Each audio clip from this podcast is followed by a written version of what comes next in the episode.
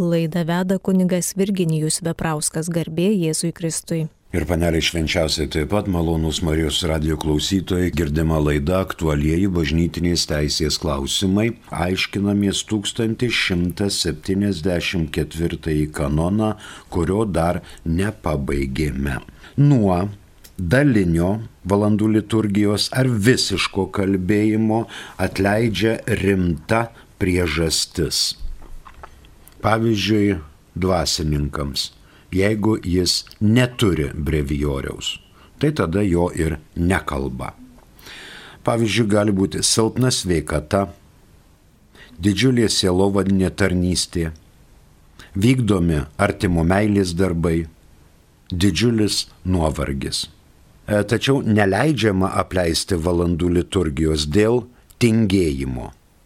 Ir tarkim, nebūtino poilsio. Ai, aš dabar čia patinginiausiu šiandien. Ne. Jeigu sunku visas valandas kalbėti, rytmetinę, terciją, noną, sekstą, vakarinė kompletus, tai visuomet kalbama nors rytinė ir vakarinė. Ir prie jų galima jungti kitas valandas. Tarkim, atleidžiama nuo valandų liturgijos kalbėjimo kuniga, jeigu jis turi daug šventųjų mišių. Su procesijom, su pamokslais arba daugybė išpažinčių arba daug homilijų. Tada gali kunigas ramę sąžinę apleisti brevijoriaus kalbėjimą. Rytų kanonuose dėl dvasininkų valandų liturgijos 377.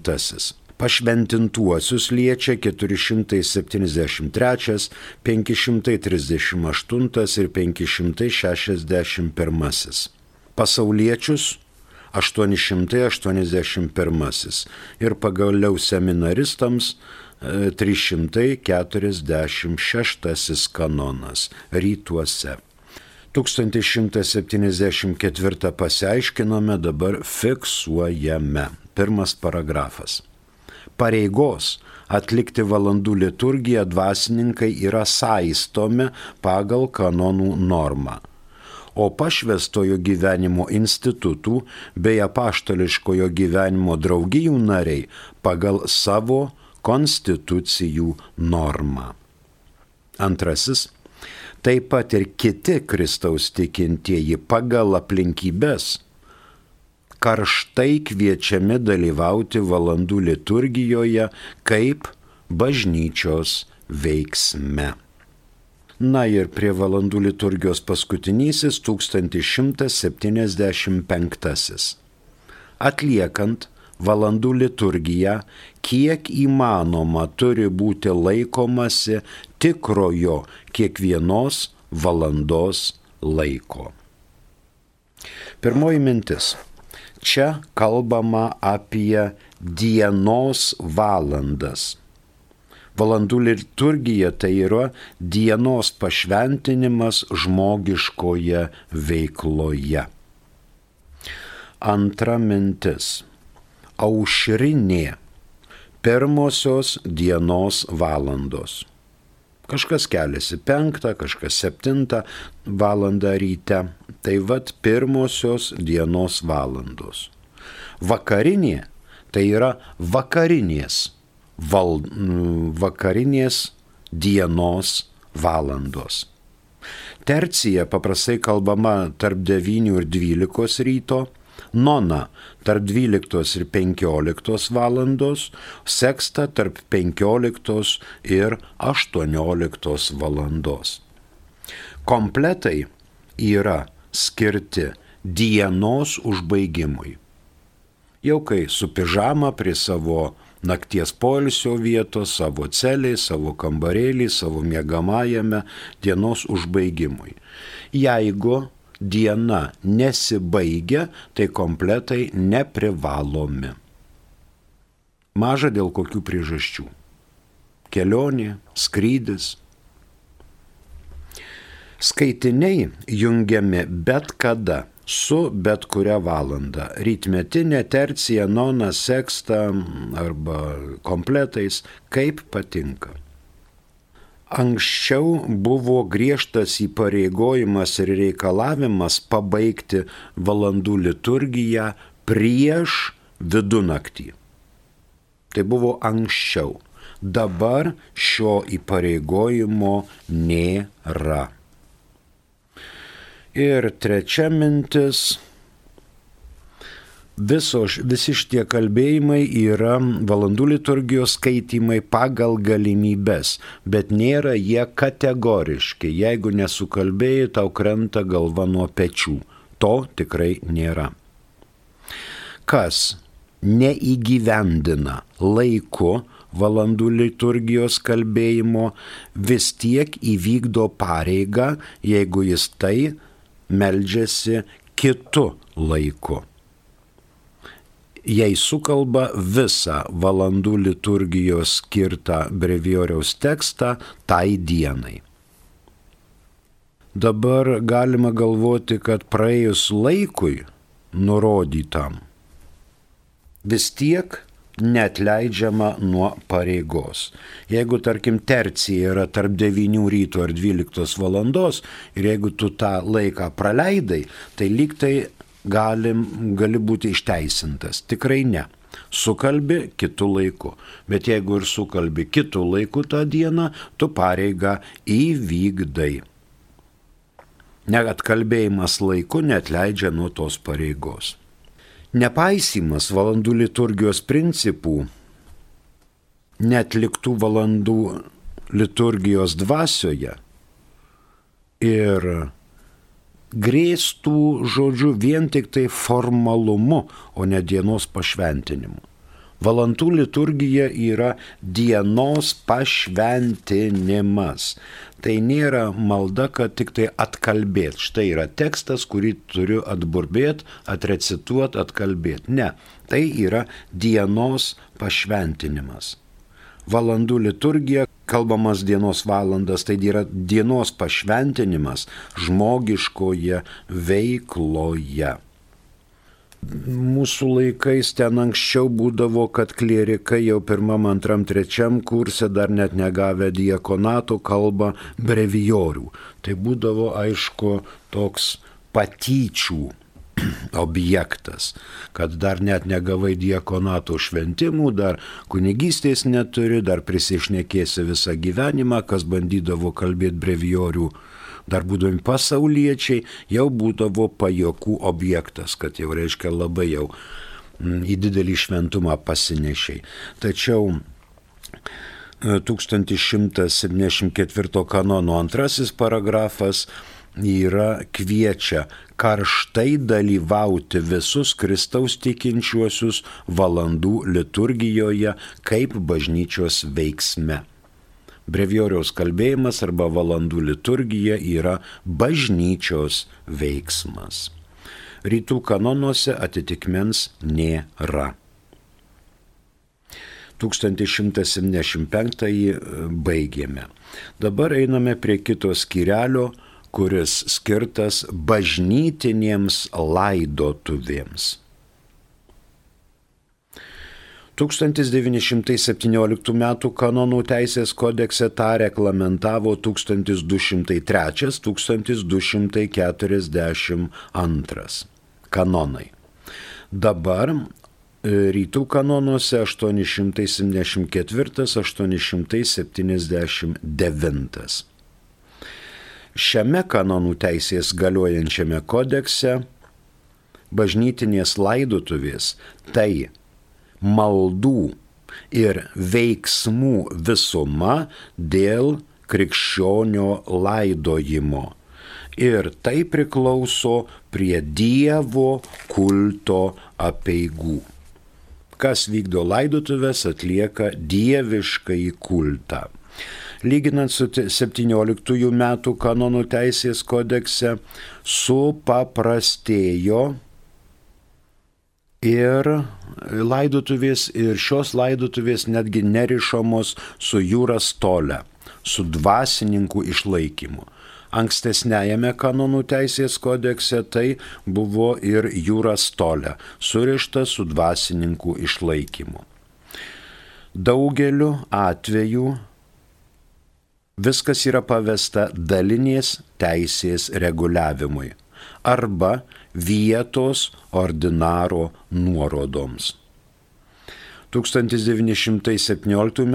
kanonų teisės kodekse buvo 40 kanonų reglamentuojančių laidotuvės, o dabar tik tai 10, plus 4 kanonai dėl kapinių nuo 1240 iki 1243. Taigi, laidutuvės yra Dievo kulto apeigos. E, su ta jūros tolė dar pagal senąją teisę kai kas masto, kad tokia jūros tolė egzistuoja. Pavyzdžiui, jeigu duoda už laidotuvės, e, tarkim, kokius 500 eurų, tai 250 eurų priklausytų vargonininkui, ir 150 eurų priklausytų zakristijonui. Jeigu parapija turi kleboną. Jeigu parapija turi kleboną, vikarą ir altaristą, vėl ten kitaip pasiskirstydavo. Nes iš šitos jūros tolę išgyveno ir vargonininkai, ir zakristijonai. Dabar jau yra visiškai kitokia finansavimo sistema. Kitas kanonas dabar liečiantis bažnytinės laidotuvės yra 1176. Jis turi tris paragrafus. Pirmasis. Mirusiems tikintiesiems turi būti teikiamos bažnytinės laidotuvės pagal teisės normą. Antrasis bažnytinės laidotuvės, kuriomis bažnyčia meldžia dvasinės pagalbos mirusiesiems, pagerbė jų kūnus ir drauge teikia gyviesiems vilties paguodą, privalo būti celebruojamos pagal liturginių įstatymų normą. Na ir trečiasis, bažnyčia primiktinai patarė išlaikyti pamaldų paprotį, laidoti mirusiųjų kūnus. Tačiau nedraudžia kremavimo, nebent jis būtų pasirinktas dėl katalikiškai doktrinai prieštaraujančių priežasčių. 1176 formuluojamas principas, kad kiekvienas Kristų tikintis galėtų pretenduoti į bažnytinės laidotuvės. Ir taip pat kanonas pateikia teologinius principus, ypatingai antrajame paragrafe, kad tai yra malda už mirusiuosius, kad tai yra pagarba kūnui, šventosios dvasios buveiniai. Ir trečia, vilties, paguoda gyviesiems. Stiprinama prisikėlimo viltis. Mirties kiekvienas atvejis, žinoma, yra atskirai svarstomas. Neužtenka, kad e, tikintysis turėtų e, būti pakrikštytas. Dar reikia žiūrėti į jo gyvenimo stilių, į jo gyvenimo pobūdį. Ar tai nėra viešas nusidėjėlis, ar tai nėra ekskomunikuotas interdiktuotas asmuo ir taip toliau. Antra mintis prie 1176. Reikėtų galbūt pasižiūrėti pirmą laišką korintiečiams, šešto skyrelio 19 eilutę. Pirmas korintiečiams, šešta 19 eilutė. Dabar net ir katekizmas pasisako už mintį, kad kiekvienas pakrikštytasis turėtų teisę gauti patarnavimus mirusiai, paskutinius patarnavimus. E, mums į pagalbą gali ateiti 213 kanonas. 213. Kristaus tikintieji turi teisę gauti iš šventųjų ganytojų dvasinių bažnyčios gerybių, ypač Dievo žodžio ir sakramentų pagalba. Laidotuvės yra viešas Dievo kultas ir ten yra skaitomi tekstai, ne vien maldos, bet ir tekstai iš šventojo rašto. Tai yra žodžio, Dievo žodžio liturgija. Iš ir dvasinės bažnyčios gerybės. Matot, galima galvoti net ir šitaip - laidotuvės. Tai štai kunigas yra dvasininkas, jis meldžiasi liturginėse nuostatuose nustatytą maldą. Jis ten neišsigalvoja, ką jis norėtų, ką nenorėtų, bet tai yra bažnyčios patvirtinta malda. Galbūt e, ten prie laidotuvių gal ir gražiau, kaip nors kitaip at, apsirengę žmogus, ten su skrybėlėm ar kažkaip tautiškai, gal ir impozantiškiau, arba moteris pravestų tokias apeigas, bet tai visuomet yra ne bažnyčios malda. O kai kunigas, diakonas ar vyskupas laidoja, tai visuomet yra bažnyčios malda. Tai yra tarsi mažoji kanonizacija mažoji, kadangi kunigas meldžiasi ir prašo, kad nežiūrint visų nedorybių, e, reiškia, stengiasi asmuo vykdyti Dievo valią ir nueiti į dangų. Tačiau jam galbūt kliudė tam tikros aplinkybės.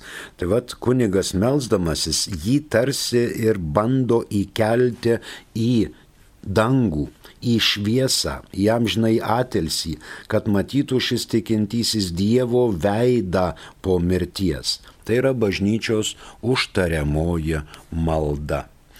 E, dabar paklausykime pirmo laiško korintiečiams šeš, šeštos skyriaus devynioliktosios eilutės. Prašom. Ar nežinote, kad jūsų kūnas yra šventovė jumise gyvenančios šventosios dvasios, kurią gavote iš Dievo, ir kad jūs nebepriklausote patys savo. Va, šitas yra pagrindas, kad žinotumėme, jog mes esame Dievo šventovė, šventosios dvasios buveinė. Kiekvienas pakrikštytasis prieimęs komuniją, sutvirtinimo sakramentą, ypatingai sutvirtinimo sakramentų gavę šventąją dvasę, tas krikščionis yra šventosios dvasios buveinė. Ne tik gyvas esantis, bet ir po mirties. Kitas kanonas 530 e, numerėlis 5. Specialiai klebonui yra patikėtos šios funkcijos. Penktas numerėlis - vadovavimas laidotuvėms. Toliau 1177 antras paragrafas kiekvienam tikinčiajam arba tiems, kuriems priklauso pasirūpinti mirusio tikinčiojo laidotuvėmis, leidžiame laidotuvėms pasirinkti kitą bažnyčią, sutikus tam, kuris ją valdo ir pranešus savam mirusiojo klebonui. Nes pirmas skamba taip. Paprastai bet kurio mirusio tikinčiojo laidotuvės turi būti celebruojamos savo parapinėje bažnyčioje. Ir 1181. Jei parapija turi savo kapines, mirę tikintieji turi būti laidojami jose. Teisėtai kitas kapines būtų pasirinkęs nebent pats mirusysis arba tie, kuriems priklauso pasirūpinti mirusiojo laidojimu. Dar paprašysime paskaityti katalikų katekizmą 1684. Mus pasiekė esamas žinutė, prašom. Sigmas klausia, ar klierikas gali gyventi seminarijoje, jei yra laikinai atsisakęs savo pareigų, bet toliau studijuoja teologiją? Ačiū Zigmai seminaristai gyvena seminarijoje. O kokių kažin pareigų jisai yra laikinai atsisakęs, kokias pareigas jisai turi. Servitoriaus, zakristijono, akolito, kokias jeigu seminaristas negyvena seminarijoje, suklūsta seminarijos ne tik rektorius su vicerektoriumi, bet ir prefektas, bendrabučio vedėjas. Seminaristai gyvena seminarijoje, o studijuoja teologiją ir kažkur. Pavyzdžiui, protestantų universitete tai jau nėra katalikiškas reikalas. Bet kokius savo gyvenimo veiksmus klierikas arba seminaristas derina su savo vadovybė. Jeigu jis nebesiekia kunigystės, jis gali grįžti toliau gyventi į namus. Jeigu siekia kunigystės, tarkim, susirgo COVID. -as. Na tai žinoma, klinikos, deguonis, medikų priežiūra. Ir studijos nutraukiamos dviem savaitėm, mėnesiui, tiek, kiek reikia. Ačiū Zigmai. Dar mes turim klausimą, prašom. Ar galima civilinę santuoką atnaujinti bažnyčioje, padarant ją bažnytinę? Galima. Vyras ir moteris susituokia civiliškai, gali sudaryti bažnytinę santoką ir bažnyčioje po tam. Bet tiem dalykam galioja visa tai, kas ir sužadėtiniam be civilinės santokos. Galima. Ir žinoma, reikia, jeigu tokie sutoktiniai yra pribrendę ir neturi kliūčių savo santokai. Tai yra krikštas, pirma komunija, sutvirtinimas, ir kad nebūtų kokia daug patystė ten, turi deramą pasiruošimo programą išeiti, turi būti pokalbiai su kunigu, dėl ko jie ketina sudaryti bažnytinę santoką ir taip toliau. Tas yra tikrai daroma ir labai dažnai. Ačiū. Kitas klausimas, prašom. Kas tas kunigas per laidotuvės, juk siela jau išėjus, o Dievas žiūrės tavo dorovės, moralės ir artimo meilės, o ne duobės krapijimo ar poterių burbuliavimo. Mhm, teisingai, visiškai sutinku su jumis. Siela jau išėjusi, kūną palikusi, bet kaip minėjau, krikščionio kūnas yra šventosios dvasios buveinė ir kunigas per laidotuvės yra tam, kad kalbėtų maldas bažnyčios vardu ir prašytų, jog šiam tikinčiajam būtų dovanotos bausmės už nuodėmės ir meldžiasi suteikdamas viltį ir stiprindamas tikėjimą mirusiųjų prisikėlimu. Dievas tikrai žiūrės tavo dorovės, moralės ir artimo meilės, čia be jokios abejonės. Duobės krapijimas tai yra viena iš liturginių nuostatų. Po maldos, po duobės pašventinimo liturginėse nuostatose, kurių kunigai privalo laikytis, yra pažymėta, kad duobė pašlakstoma šventintų vandeniu. O poteriai paprastai yra neburbuliuojami. Poterių prie kapo duobės burbuliavimas yra nenumatytas. Prie kapo dobės yra numatytas maldų ciklas. Versusai, responsorijos, kreipiniai, atsakymai ir bendra visų tikinčiųjų malda vadovaujant kunigui. Tai taip yra numatyta. Ačiū Primenu, kad girdima laido aktualiai bažnytinės teisės klausimai. Dabar paklausysime 1684 punktelio iš katekizmo. Prašom. Krikščioniškos laidotuvės mirusiam nesuteikia nei sakramento, nei sakramentalijos, nes jau jo nesiekia sakramentinė malonės tvarka. Vis dėlto jos yra bažnyčios liturginės apėgos. Savo patarnavimu bažnyčia nori ir pabrėžti veiksmingą vienybę su mirusiuoju ir įtraukti į tą vienybę laidoti susirinkusią bendruomenę, skelbdama jai amžiną į gyvenimą. Va, teisingai, Mirusiajam tai nėra nei sakramentas, nei sakramentalija, kadangi sakramentai ir sakramentalijos teikiami gyviesiems. Gyviesiems. Žinoma, sakramentalijos teikiamos ir daiktams arba vietoms, bet sakramentai teikiami gyviems asmenims. Ir jeigu žmogus numirė nekrikštytas, tikintieji kartais prašo, sako, kaip galima šitą numirusį pakrikštyti. Šio numirusio pakrikštyti jau nebegalima ir kunigas nekrikštytų asmens laidutuvėse nedalyvauja, nebent tai būtų kūdikis ir nespėtas pakrikštyti. Ačiū. Kita, trečia mintis. Laidutuvės vykdomos pagal teisės nuostatas. Tai yra ne, ne tik pagal ritą, lotynų apieigų, rytų, rytų apieigų, bet ir pagal liturginės knygas. Jeigu norima atsakyti laidotuvės, tai taip pat yra numatyta 1184. Pirmasis paragrafas. Jei prieš mirtį neparodė jokių atgailo ženklų, bažnytinės laidotuvės yra atsakytinos.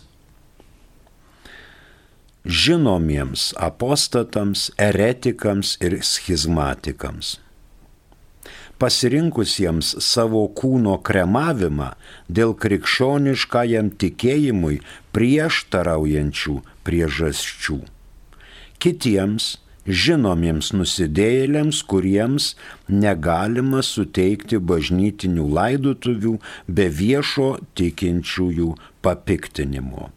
Ir antras paragrafas, esant bet kokiai abejoniai, turi būti atsiklausiama vietos ordinaro, kurio sprendimo privaloma laikytis.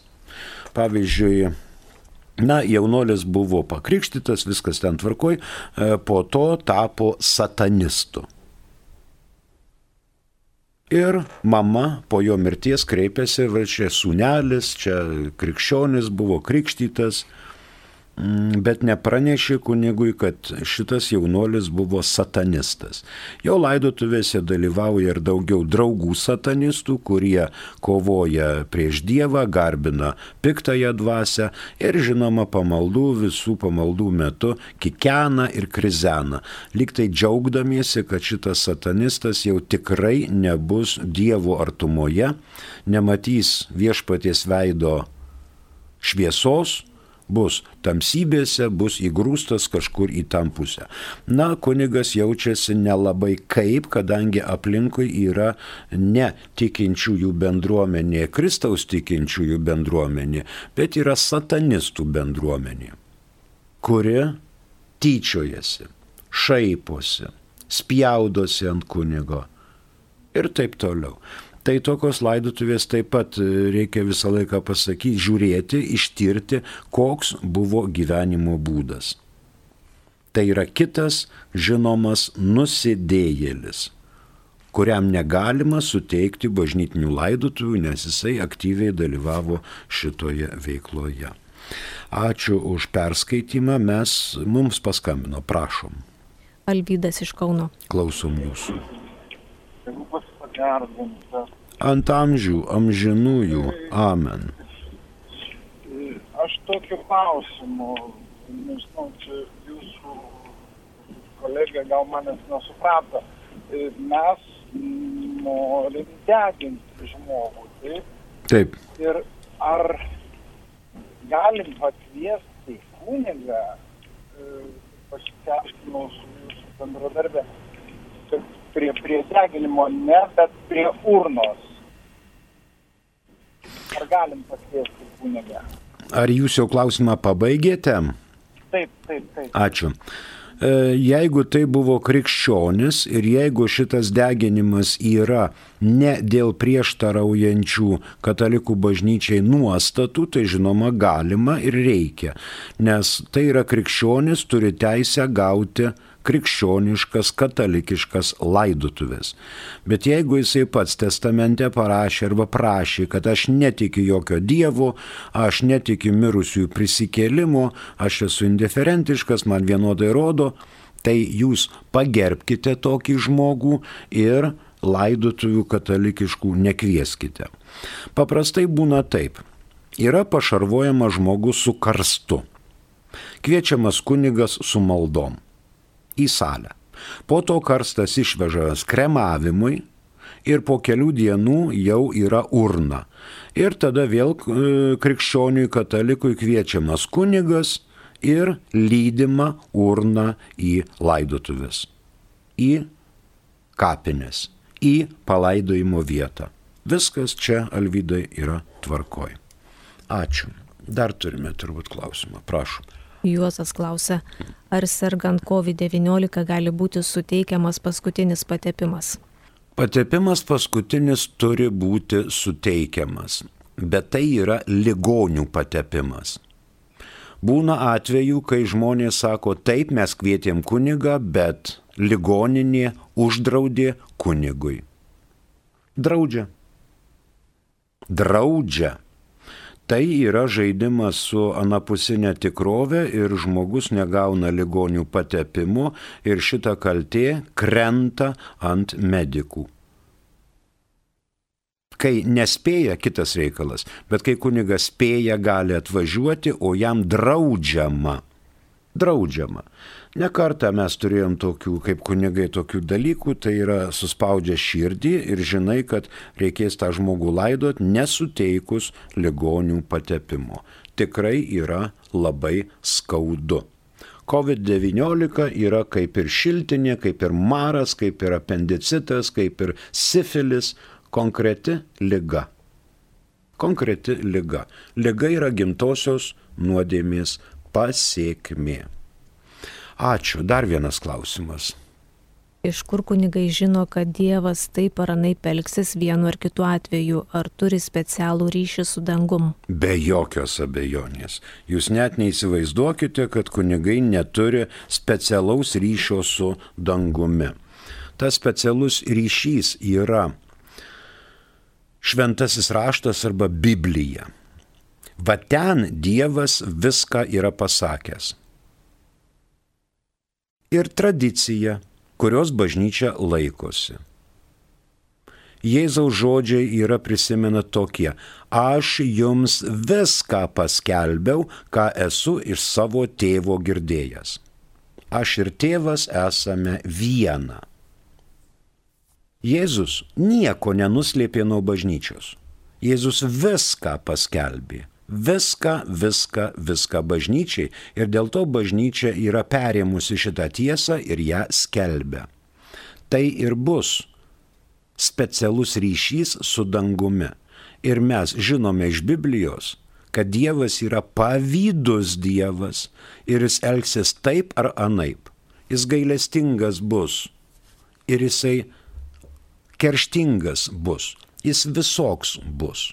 Tik mes turim turėti Dievo baimę pamaldžią Dievo baimę. Nes Dievas yra daugiau tai, ką mes apie jį nežinome, negu tai, ką mes apie jį žinome. Dievas yra meilė. O meilė yra virš visko, virš visko. Ir todėl šitą meilę, norėdama pasidalinti savo dievystę su kūriniu, su žmogumi, atpirko žmogų.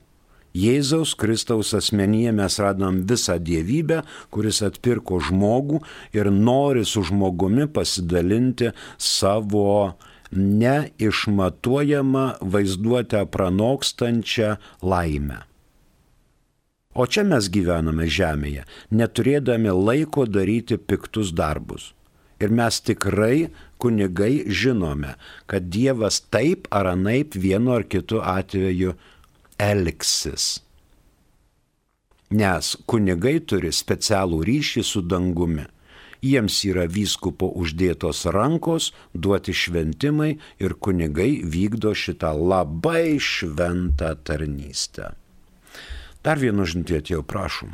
Vykantas klausia, Taip. ar naujai įsigytą ikoną reikia pašventinti, tapyta Graikijoje, įsigyta per atlaidų šiluvoje. Aišku, kad pasišventinkit. Neaišku, ar jinai buvo šventinta ar nebuvo šventinta, bet jeigu įsigijote šilovoje per atlaidus jums patinkančią ikoną, nuneškit parapijos klebonui, tegul jisai ją palaimina. Tai yra labai gražus ženklas. Prie mikrofono dirbo kunigas Virginijus Veprauskas, ačiū ir sudė.